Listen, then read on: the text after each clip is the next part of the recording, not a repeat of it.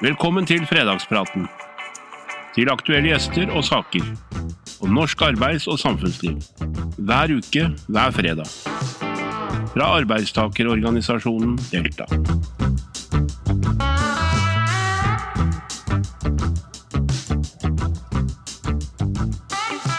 Hei og velkommen til en eh, ny fredagsprat.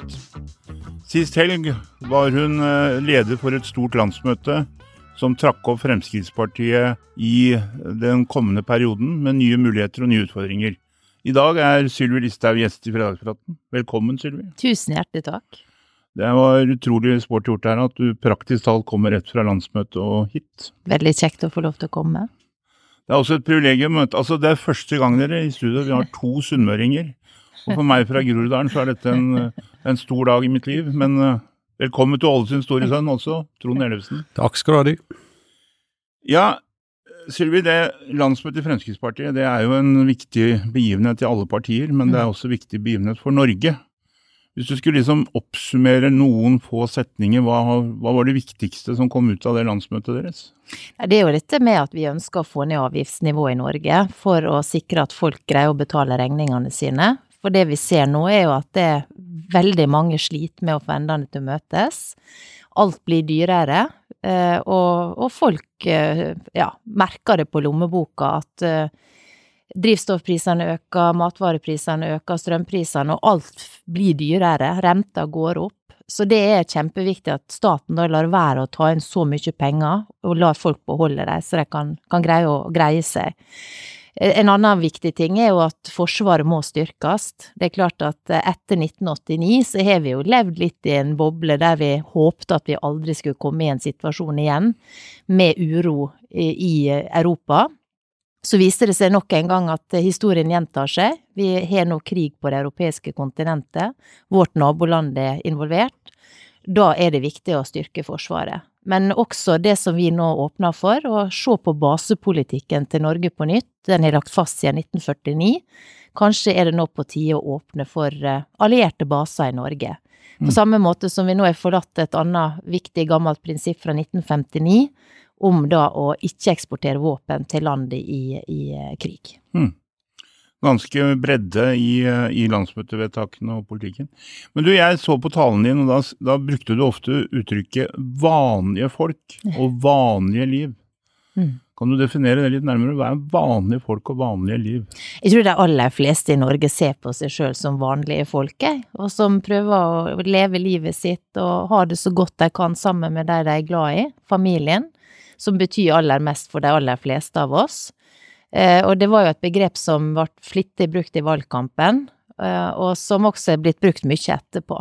Mm. Eh, men det er jo det, det, det handler om i et samfunn, at vi skal legge til rette for at innbyggerne har det bra, at de greier seg i størst mulig grad sjøl, og etter Fremskrittspartiets syn har mest mulig frihet i livet til å ta egne valg og Enten det gjelder ja, avgjørelser i livet, eller det handler om lommeboka, så ønsker vi at man skal få ta mest mulig valg sjøl. Mm.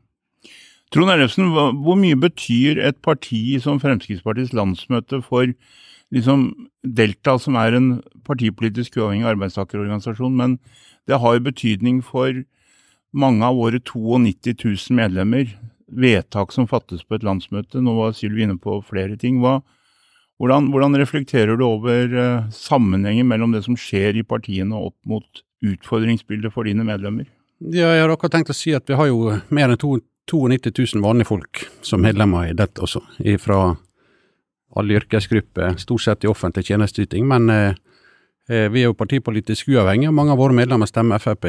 Noen stemmer Høyre, noen stemmer Arbeiderpartiet, helt til Rødt. Og, eh, så vi har jo en veldig stor og sammensatt eh, medlemsmasse. Og klart vedtak som blir fatta på landsmøtet til Frp og andre partier kan få eh, politisk betydning etter hvert, da. Altså, de styringspartiene har jo politisk betydning ganske umiddelbart, men de spikrer ut sine program som får betydning for politikken som føres i Norge. Da får det betydning for våre medlemmer, da. Så vi er jo veldig opptatt av at alle partier utformer politikk som er bra for folk i arbeidslivet i Norge, da, som vi passer mest mulig på. Da. Mm. Uh, Sylvi, vi har jo vært gjennom en pandemi, og den er jo ikke helt over ennå, men det har utfordra oss alle. Eh, og digitaliseringen har på en måte gjort at vi jobber på andre måter. Og hvis vi snakker nå om norsk arbeidsliv generelt, Mm. kompetanse er jo et nøkkelord for at arbeidstakere både skal håndtere nye digitale løsninger i hverdagen, og ikke minst også at det er et behov i en, i en tid hvor globalisering finner sted. Mm. Hvordan vil Fremskrittspartiet ta kompetanseutfordringen f.eks. i offentlig sektor i Norge? Det som er viktig, er jo at vi legger til rette for å utdanne folk innenfor de retningene som vi trenger folk til. Eh, Og der tror jeg at vi er mer å gå på i Norge med å eh, ha samsvar mellom eh, det som er samfunnets behov, og der vi faktisk setter inn penger i utdanningsløpet. Så det er klart sånn praktisk retta utdanninger, fagskoler, yrkesfag, er noe som vi mener det må satses mer på. Fordi alle kan ikke bli akademikere, og vi har behov for hender innenfor helse- og omsorgssektoren, eh, innenfor skoleverket, innenfor mange eh, deler av yrkeslivet, eh, der man heller ikke kan sitte på hjemmekontor. Mm. Og det som man virkelig har sett under pandemien, er jo forskjellen på at en del kan faktisk gjøre jobben hjemmefra og ha den fleksibiliteten, men det hjelper ikke for en ambulansesjåfør å, å sitte på hjemmekontor, for å si det sånn. Han må ut dit pasientene er. Mm. Eh, Så, så det har jo også vist, eh, vist eh, forskjellen på det, men, og, og hvor viktig disse yrkene faktisk er, da. Og vi har jo sagt at de som eksempel jobber innenfor helse og omsorg, enten er helsefagarbeidere, sykepleiere eller de som da står i førstelinja, det er viktig å sikre konkurransedyktige eh, arbeids- og lønnsbetingelser for å rekruttere framover de antallet hender som vi trenger. Så det du sier da, er egentlig at eh, det bør være et lønnsløft for en del av bestemte grupper innenfor eh, bl.a. helse- og sosialomsorgen? Ja, vi mener det, og vi fremmer forslag om det også, for å sikre rekrutteringa framover. Nå tror ikke vi bare at dette kan løses gjennom, å, å, altså at, øh, gjennom flere hender. Vi må også bli enda flinkere i offentlig sektor til å ta i bruk ny teknologi og nye løsninger som kan lette arbeidet.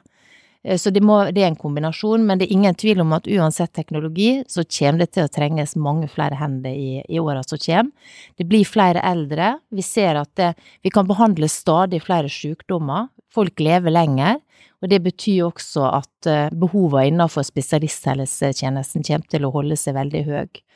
Det er eh, en annen ting som er skremmende, er å se på utviklinga i psykisk helse blant unge. Vi, vi ser at eh, spiseforstyrrelser er eksplodert. Vi ser psykiske utfordringer generelt sett også øker kraftig. Og det er klart at det, det viser litt hva behovet vi kommer til å, å, å ha framover. Mm. Og da trenger vi flere hender. Ja, Trond, dette er jo eh, mange gode betraktninger fra Fremskrittspartiets leder i forhold til den lønnskampen og det du og Delta driver med. Hvordan kommenterer du rammene fra det Sylvi nå sa? Ja, og jeg er veldig glad for at eh, det så vidt jeg kan huske, så bare to yrkesgrupper dere nevnte, var helsefagarbeidere og sykepleiere. Og vi er jo glad for all den støtten vi kan få, men vi mener jo at eh, lønn skal avtales mellom partene i Norge, da. Men eh, dra, all drahjelp er vi glad for. Men vi har jo så veldig mange andre yrkesgrupper også, som har stått langt fremme i pandemien. Vi har barnehageansatte, vi har skoleansatte. og eh, så, på en måte, Det har ikke vært jeg vet at de to gruppene har stått helt fremme i pandemien i fremste rekke, men så veldig mange andre som man kanskje ikke tenker like mye på, har også stått langt fremme. Og Vi skal bare lage en liste over eh, kritiske samfunnsfunksjoner tidlig i pandemien, og nesten ikke en yrkesgruppe av våre medlemmer som ikke ble nevnt etter hvert. da. Vi fylte bare en liste hver eneste dag. Så sitter du i kassa på Kiwi, så har du samfunnskritiske oppgaver. Det, det, det kom så mange nye yrkesgrupper som folk fikk mer respekt for da, enn det var før. Så eh, vi tar imot all drahjelp, men tenker lønnsdannelse i Norge skjer gjennom partene, og det skal skje gjennom partene. Og nå er vi midt i en eh, konflikt. Eh, vi skal til mekling snart, og det er av og til vi får hjelp fra myndighetene til slutt når det står helt fast. Så det kan godt hende at vi trenger det i år også, men det blir liksom litt eh, Det er ikke så veldig offentlig at vi får hjelp, men av og til så kommer noen hjelpende hånd fra, fra eh, myndighetene hvis noen står helt fast. da. Men generelt sett Prinsipielt så er lønnsdannelse i Norge mellom partene. Arbeidsgiver, arbeidstaker. Hver uke inviterer jeg, programleder og politisk rådgiver i Delta, Knut Roger Andersen, aktuelle gjester til å diskutere aktuelle saker i vårt studio. Men vi vil også ha med deg i diskusjonen om temaene som angår norske arbeidstakere til daglig. Følg oss derfor gjerne på Facebook og Instagram. og fortell oss hvilke saker du mener vi bør være opptatt av. Sylvi, du, du, har jo også vært opptatt av uh, liksom det at folk skal få jobb, få muligheter til å jobbe. En av utfordringene er jo fortsatt høy andel av ufrivillig deltid eller mm. deltidsstillinger som utfordrer veldig mange, bl.a. kvinner i offentlig sektor, i helsesektoren. Uh, og selv om det er forbedringer på en del områder, så er det fortsatt mange utfordringer. Mm. Hva vil Fremskrittspartiet og du gjøre i forhold til heltidsproblematikken da snakker vi om altså ufrivillig mm. deltid, ikke frivillig, men ufrivillig. Jeg tror noe av nøkkelen ligger i måten vi utformer turnuser på. For det er klart, hvis du går eh, og, og bruker bare den, den eh, si, den eh, normale turnusen med, med vanlig tidligvakter, seinvakter, tredje hver helg, så vet vi det at det i en del tilfeller blir vanskelig å gi alle heltidsstillinger. Uh, men vi mener vi må ha mer fleksibilitet der for å legge til rette for, for at flere kan ha det. Eh, og har du da mer sånn ønsketurnus, at man kan, kan, legge til rette for langvakter Dette må jo selvfølgelig man kjenne på på den enkelte arbeidsplass, den enkelte arbeidstaker, men jeg tror at mer fleksibilitet vil gjøre det, eh, vil gjøre det lettere eh, å, å, få til det i, i praksis. Men det er, jo, det, er, det er, et utfordringsbilde, er ikke det? At, sånn, fordi vi trenger flere bl.a. helsefagarbeidere, flere yrkesgrupper innenfor mm. helse- og omsorgssektoren. Og så er liksom vi sliter med rekruttering fordi det er ikke så attraktivt yrker å ta utdanning i. Det er kanskje ikke så attraktivt å liksom få en, en eh, sjettedels stilling eller en to tredjedels stilling når du ønsker en heltidsstilling. Mm. Altså Kunne man fra Stortinget, fra Fremskrittspartiet, fra politisk hold gjort noe sterkere grep knytta til å fjerne ufrivillig deltid? Jeg tror det aller viktigste er å legge til rette for mer fleksibilitet. Og jeg husker jeg har jo jobba sjøl på aldershjem, nå begynner det å bli mange år sia, men eh, i mine yngre dager. Eh, og du er, er fortsatt ung, da. Ja, men det er 20 år siden, vet du det. men, men, det som i hvert fall slo meg da jeg jobba i somrene, og da jobba jeg veldig mye, det er at når du er i disse yrkene her, så føler du at du aldri er fri. Mm. For du er på tidligvakt, og så skal du på seinvakt neste dag, så skal du på tidligvakt, og så har du kanskje noen fridager innimellom, men du føler at du aldri får tatt deg skikkelig inn igjen. Mm. Og så jobber du helger, så jobber du høytider, du føler du nesten alltid er på jobb. Og det er det jeg mener med å ha mer fleksibilitet, der du da kanskje kan ta fri ei uke i strekk.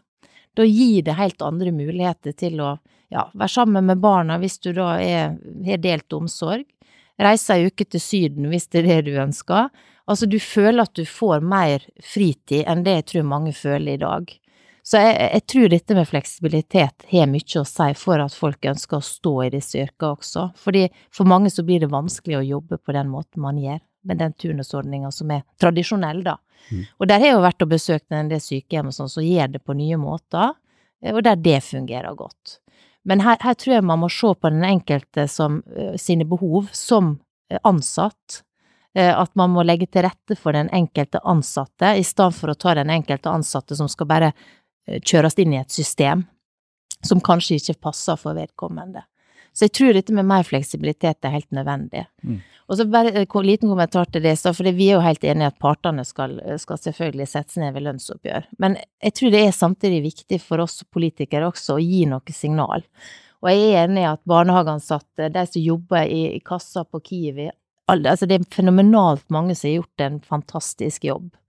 Men, men, vi mener likevel at når vi ser de utfordringene vi nå står i, i eldreomsorgen framover, i sykehusene framover, så har vi nødt til å ta tak i, i den situasjonen og legge til rette for uh, å få flere uh, ansatte inn, inn der. Og vi vet også at det er mange sykepleiere, helsefagarbeidere, vernepleiere osv. Som, som er der ute, men de er ikke i helse- og omsorgssektoren. Så det handler også litt om å legge til rette for å få noen av de forhåpentligvis tilbake. Mm.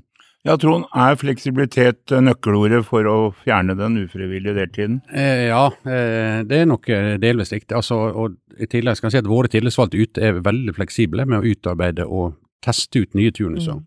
Eh, langvakter. Ja, altså, hver tredje helg er altså, Vi har alltid sagt tredje hver helg er nok. Altså Noen tror man kan løse dette ved å jobbe annenhver helg. Mm. Jeg ville løst mye, men da er du, tvinger du folk inn i et arbeidsliv de helst ikke vil ha, som er veldig familieuvennlig. da. Og Blir det for fleksibelt, skal det også være vanskelig, og kan det være vanskelig som en familiefar eller familiemor å, å gå i en turnus. da. Vi hadde jo en, eh, ja, sikkert fortsatt, men eh, for noen år siden så hadde vi veldig mange gjestearbeidere fra Sverige, som gjerne vil jobbe veldig mye i to uker, og så ta seg fri i to uker og reise hjem til Sverige. ikke sant? Ja. Men det passer ikke for en eh, familieperson i Norge å gjøre. Mm. Så fleksibiliteten kan eh, bli for stor, da. Mm. Men vi vet jo fortsatt, eh, hvis man skal gjøre noe for helsefagarbeiderne, så kan man For det første er det bare 16% av de stillingene som blir utlyst, det er heltidsstillinger, så det er et stort problem. Og i Sverige så har de færre sykepleiere i Norge, og man hører jo stadig vekk om sykepleiermangel i Norge, men i Sverige er det færre sykepleiere per, per capita, men de har mange flere helsefagarbeidere. Så de har løst det på en annen måte. Helsefagarbeiderne gjør mye arbeid i Sverige som de også kunne gjort i Norge. Så der tror jeg kanskje også litt av løsninga ligger, da. Rett person på rett plass har vi sagt i mange år, og helsefagarbeiderne er ofte rettere person enn en sykepleier mange plasser. Men da er vi inne på nå, Sylvi, dette med en um, bedre oppgave- og funksjonsfordeling. Eh, også i forhold til profesjoner, oppgaver. Hvordan reagerer eller responderer du og Fremskrittspartiet Nei, altså det er musikk i mine ører, for jeg, jeg tror helt klart som du at det ligger noe der. Og, og, og vi kan egentlig starte helt på toppen, at jeg tror andre enn legene kan gjøre noen av de oppgavene de gjør, altså sykepleierne. At helsefagarbeiderne kan gjøre noen av de oppgavene sykepleierne har i dag. Og kanskje også at det, de som er assistenter, som jeg var en gang i tida, kan gjøre noen av de oppgavene som helsefagarbeiderne gjør. Og da får du avlasta litt trøkket oppover i denne kjeden, og jeg tror også benytta personalet bedre. For det er jo noe galt når du hører at sykepleiere og helsefagarbeidere står og vasker biler i hjemmetjenesten.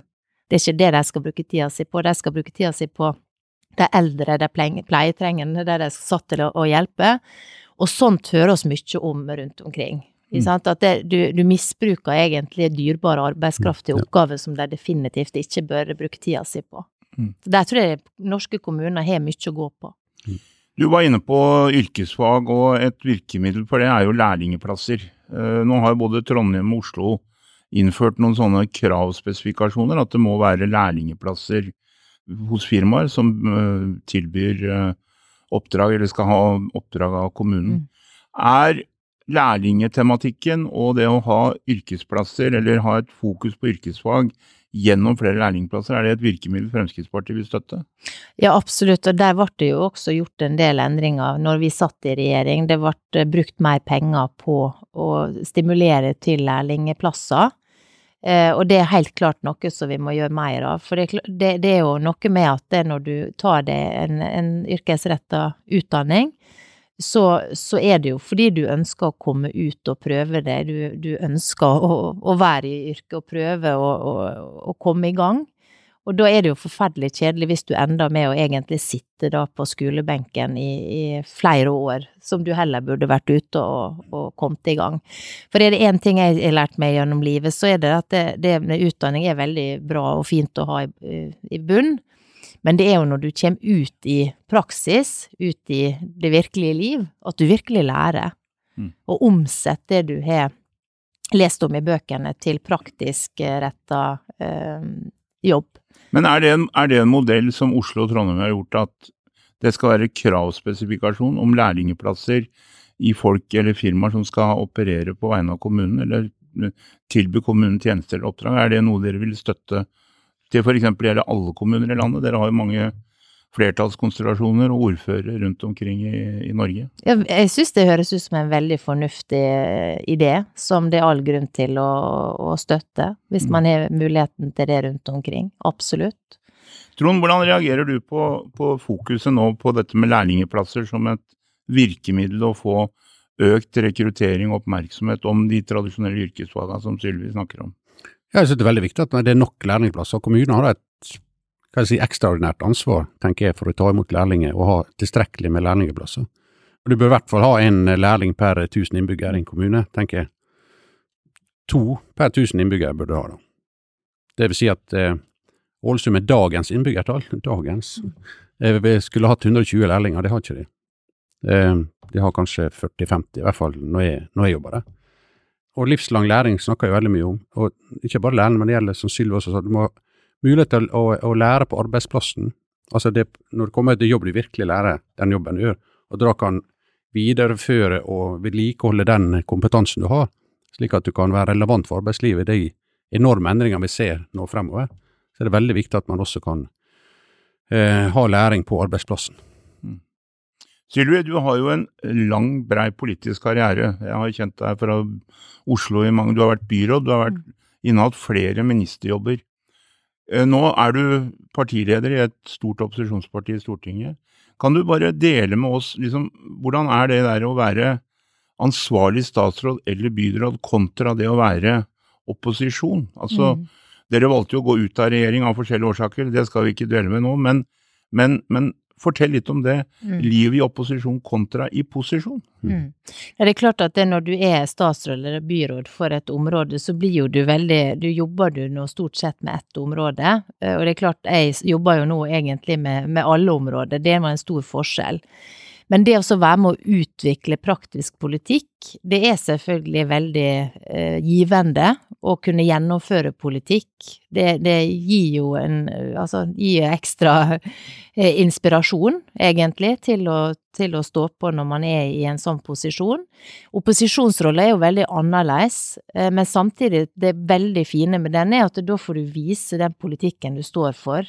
Eh, Du stemmer for det du er for og mot det du er imot. Mens i posisjon så må du jo inngå en del kompromiss som ikke alltid føles like godt. For det går på tvers med det du egentlig mener. Det er ikke et ord du liker, kompromiss. Jo da, jeg, jeg er jo søtt og styrt så mye at i kompromiss Jeg har jo, jeg har jo vært med på mest kompromiss, jeg, og egentlig. for, eh, for det er klart at det- til sammen så har jo jeg nesten elleve år nå som statsråd og, og byråd. Og opposisjonspolitikere har vel vært et par-tre par, år, men da med pandemi, og da var det jo da, da handla det jo om å finne løsninger for å få Norge gjennom den krisa. Så det ble jo ikke opposisjonspolitikk på den måten. Eh, Men nå er jo vi i gang i, med, som, med opposisjonspolitikk. eh, Og, Men, og det, men savner du det, det å sitte i regjering? altså, jeg, jeg syns definitivt at det, det er givende å sitte i regjering og være med å påvirke og sette i gang prosesser og det. Men så, nå er det jo et flertall på Stortinget som vi ikke støtter, og da, da syns jeg det å drive opposisjonspolitikk er, er viktig. At vi er utålmodige på innbyggerne sine vegne på de sakene som vi nå ser er, er viktige for dem. Og ikke minst dette med inntekter eh, kontra utgifter, som nå mange sliter med å, å få endene til å møtes. Trond, eh, det eh, sammenligningsgrunnlaget, det å liksom være med og ikke være med, altså det å ha innflytelse, ikke ha innflytelse. Hvis du tar en liten parallell, for det kan være noen som hører på eller ser på denne sendingen som f.eks. ikke er fagorganisert, altså velger å stå utenfor kontra det å være fagorganisert, være med på å påvirke litt av det, uten sammenligning helt direkte med det å være en medlem av regjering kontra opposisjon. Men hvor, hvor viktig vil du si at det å ha innflytelse betyr i form av å være fagorganisert i Norge? Det betyr enormt mye. altså. Tenk på alle de rettighetene vi har som folk tar for, som en selvfølge. Som, altså, vi i fagforeninger pleier å si vi har ikke fått noen ting, alt vi har det har vi kjempa for, og det er helt riktig. Altså ferie, lørdagsfri, eh, trygdeordninger, pensjon, alt. Ingenting har kommet rekende på ei fjøl. Alt er blitt kjempa frem av fagforeningene. Og nå er det press på disse ordningene der nå, fra arbeidsgiverne. Så prøver å ta fra oss noe, og da er det viktig at vi har sterke fagforeninger, og at mange er medlemmer i en fagforening. Å sitte hjemme uten å være medlem av en fagforening, det er på en måte gratispassasjerer, og det synes jeg ikke noe særlig om. For de får akkurat de samme fordelene som vi forhandler frem. Det får de nyte godt av, så da tenker jeg at det er greit å være med på spleiselag også, så, for det koster litt å drive fagforening, det er ikke helt gratis. Men det handler om solidaritet og fellesskap. Ja, Sylvi, vi kunne ha fortsatt i veldig lang tid, men eh, vi skal gå litt inn for landing her. Men hvis du nå skulle se liksom framover eh, etter et eh, landsmøte i eh, Dere er jo både utfordrende på galluper og sånn, det er mange partier som, som sliter med det. Men, men det, det har sikkert en viss betydning for hvordan dere jobber politisk. Altså hva blir for deg og Fremskrittspartiet nå det viktigste framover? Det, det viktigste er jo å jobbe for å få ned avgifter, så folk sitter igjen med mer i lommeboka og kan betale regningene. Det er å sikre energiforsyninga i Norge og strømpriser som er til å leve med. Eh, og det er klart å, å sikre olje- og gassnæringa er viktig. Det handler jo om inntekter til AS Norge. Veldig viktig for offentlig ansatte at vi får inntekter til å drive eh, gode offentlige velferdstjenester fra. Da er den sektoren ekstremt viktig. Og så er det jo å sørge for at vi har gode velferdstjenester, ikke minst på helse- og omsorgsområdet. Så må vi fortsette å, å sørge for å, å, få et god kvalitet på tjenestene. Eh, så det er mange oppgaver framover som skal, eh, skal, løses, og som vi skal stå på for. Og så er det klart Ukraina-situasjonen gjør at det, sånn som forsvarspolitikk kommer jo åpenbart til å være viktig framover. Utenrikspolitikk, det at vi støtter opp om et land som nå er invadert av eh, Russland. Så der, eh, det, det, det, ligger jo som et teppe over all nasjonalpolitikk også. Sylvi Listhaug, tusen hjertelig takk for at du tok deg tid å komme til fredagspraten. Tusen takk, og riktig god helg, alle sammen. Takk, Trond, for eh, at eh, du kom. Og til deg som så på eller hørte på, ha en fin helg. Vi ses neste fredag. Ha det bra. Takk for at du lyttet til Fredagspraten. Hvis du har lyst til å vite mer om Delta, så kan du besøke vår hjemmeside www.delta.no, eller også finne oss på sosiale medier. Du finner lenken i episodebeskrivelsen. God fredag og god helg!